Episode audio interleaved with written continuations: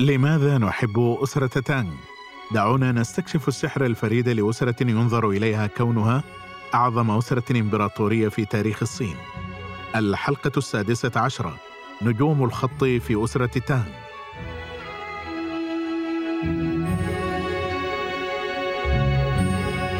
في هذه الحلقة سنلقي نظرة على فن الخط المذهل في أسرة تانغ والذي يعتبر أحد أبرز معالم هذه الأسرة الرائعة.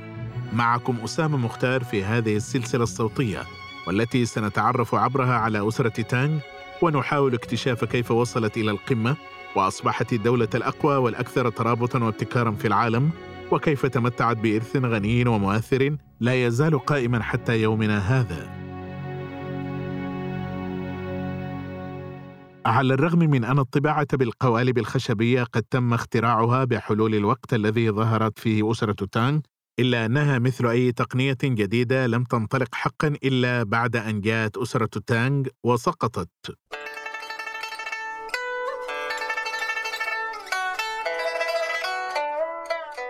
بالنسبة للغالبية العظمى من الموظفين المتميزين وأدباء تانغ كانت المخطوطات المكتوبة بخط اليد لا تزال هي طريقة تناقل المعلومات ونشرها.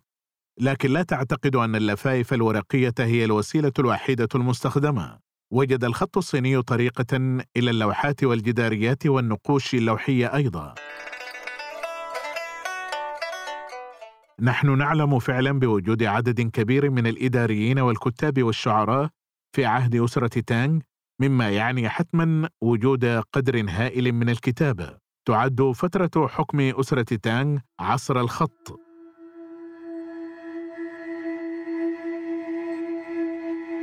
ربما الأهم من احتياج هؤلاء الأشخاص لاستخدام الخط بشكل يومي للعمل أو التعبير الإبداعي هو اعتبار الخط مهارة إمبراطورية محبوبة. على سبيل المثال كان إمبراطور أسرة تانغ تانغ تايسونغ لي شيمين معجبا كبيرا به. وكذلك كان إمبراطور تانغ غاوسونغ لي تشي وزوجته ووتسي تسيان التي أصبحت هي نفسها إمبراطورة فيما بعد. وكذلك الإمبراطور شوان سونغ لأسرة تانغ الذي بين إدخال عملة كايوان وتيان باو والتسبب في الفوضى أثناء تمرد آن لوشان وجد الوقت ليكون خطاطا أيضا.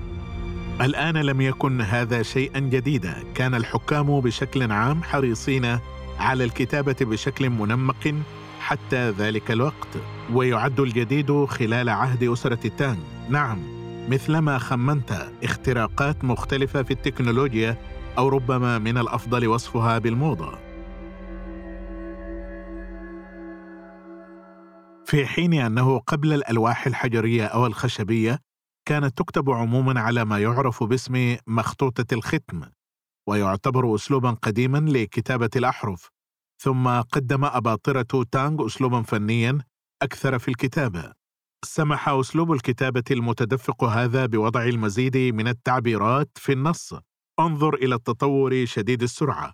لم يعد الأمر كله يتعلق بشرح شيء ما في النص بل كان يضيف بعدا أكبر للعاطفة ولسياق الكلمات. يشبه الأمر تلك اللحظة التي بدأت هوليود فجأة في إنتاج أفلام ملونة بعد كل تلك السنوات من الأفلام بالأبيض والأسود. أصبح هناك تأثير غير مباشر أيضا على الأسلوب الرسمي العام للخط في ذلك الوقت نتيجة لذلك. من المثير للاهتمام أيضا بسبب القوى المركزية المشتركة والهجرة الداخلية إلى تشان آن والانتشار الخارجي للثقافة والأزياء والأنماط وجدت أسرة تانغ نفسها موحدة على العديد من الجبهات.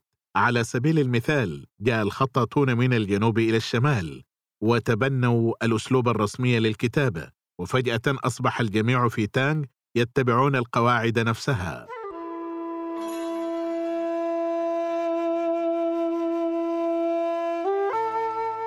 لا ينبغي الاستهانة بقوة شخصية الإمبراطور، فعندما جاء العديد من أرقى الخطاطين في فترة تانغ من الجنوب، جعلهم تأثير البلاط الإمبراطوري ينصاعون له، جاء أشهر الخطاطين الثلاثة في أوائل عهد أسرة تانغ من الجنوب.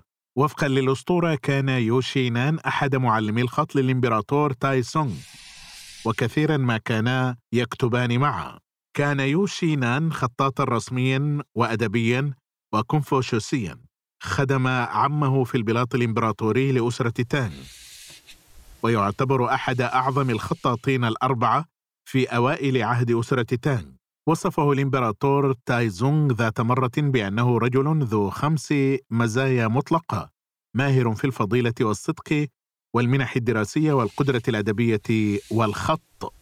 لذا ما هو أفضل وصف أعمال الرسم للخطاطين في تانغ؟ قد تعتقد أن خط الإمبراطور سيكون قويا عريضا ولكن في الواقع كان أسلوب تايزونغ أنيقا قد لا تتوافق هذه الأناقة بشكل مريح مع حقيقة أن معظم الخطاطين في أسرة تانغ كانوا على دراية بفنون الدفاع عن النفس. كان هناك تمييز غير واضح بين الموظفين المدنيين والعسكريين.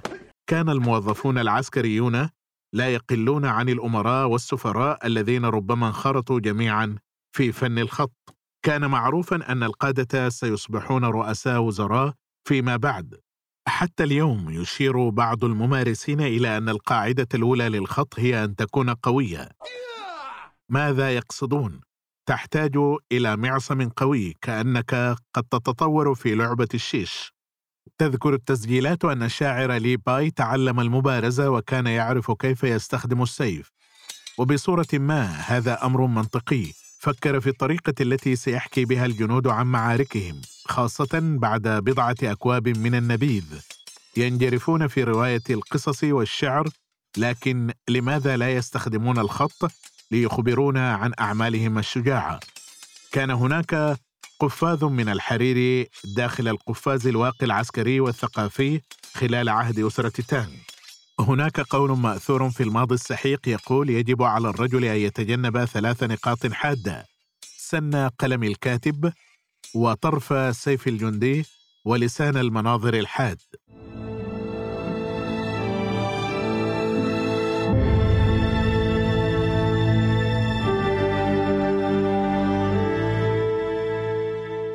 ألف كاتب من القرن التاسع عشر إدوارد بولير ليتون القلم أقوى من السيف وهو رأي لم يكن ليضيع على تان. هناك قول صيني قديم مشابه يقول إن أعمال الفرشاة يمكن أن تستخدم للمبارزة. يضيف إدخال النص المتصل إلى قياس التماثل مما يعني أن سرعة الكتابة لم تكن موحدة. أشار هذا إلى أن الخطاطين يمكن أن يكونوا أكثر قوة في كتاباتهم. غالبا ما جاء أشهر الخطاطين في عهد أسرة تانغ من عائلات أو عشائر نبيلة تميزت كل منها بأسلوبها الخاص تمزج بين القوة والأناقة أو البساطة مع التقليد.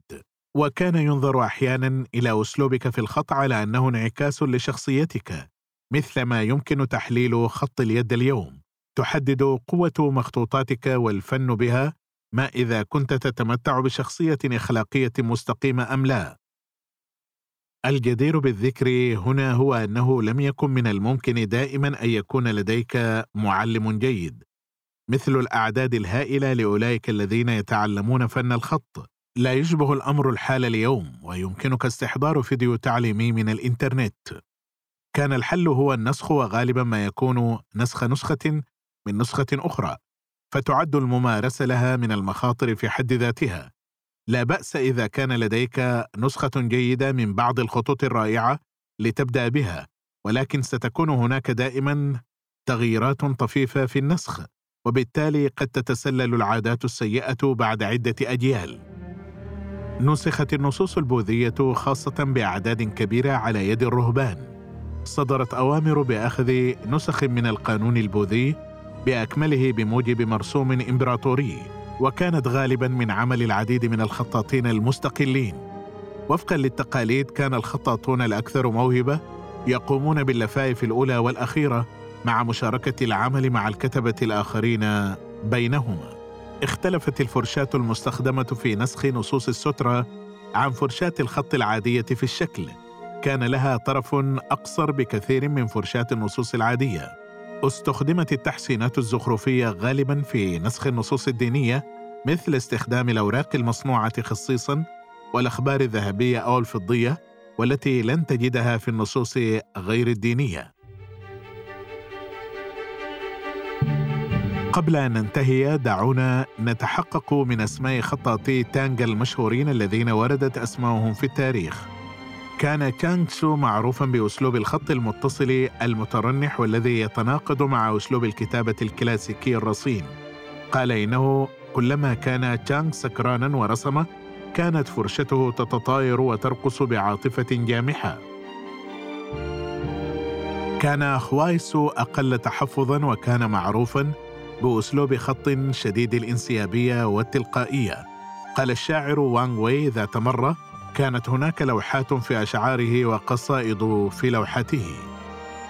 كان يو شينان الذي ذكرناه سابقا و أو يانغ سونغ من الخطاطين المشهورين في بلاط الإمبراطور تاي سونغ خدما كمعلمين لأبناء النبلاء واتسمت رموزهما بالدقة والتلقائية كان لدى تشو سوي ليانغ أسلوب متين وثابت وصف أسلوبه الحساس والرقيق في سنواته الأخيرة بأنه يشبه سيدة أنيقة ضعيفة لا تقدر على حمل ثقل ملابسها. يشتهر غاوشيان بمقال الألف رمز الذي يعرض سطورا متناوبة من النص العادي والجاري. ولد في ووتشونغ في مدينة خوتشو الحالية بمقاطعة تشاتشيان وكان راهبا بارزا عاش خلال منتصف عهد أسرة تان. لم يتبقى سوى 243 رمزا من أصل ألف رمز له. يعتبر مقال الألف رمز إنجازا رائعا في مجال الخط ينتمي لمنتصف عهد أسرة تانغ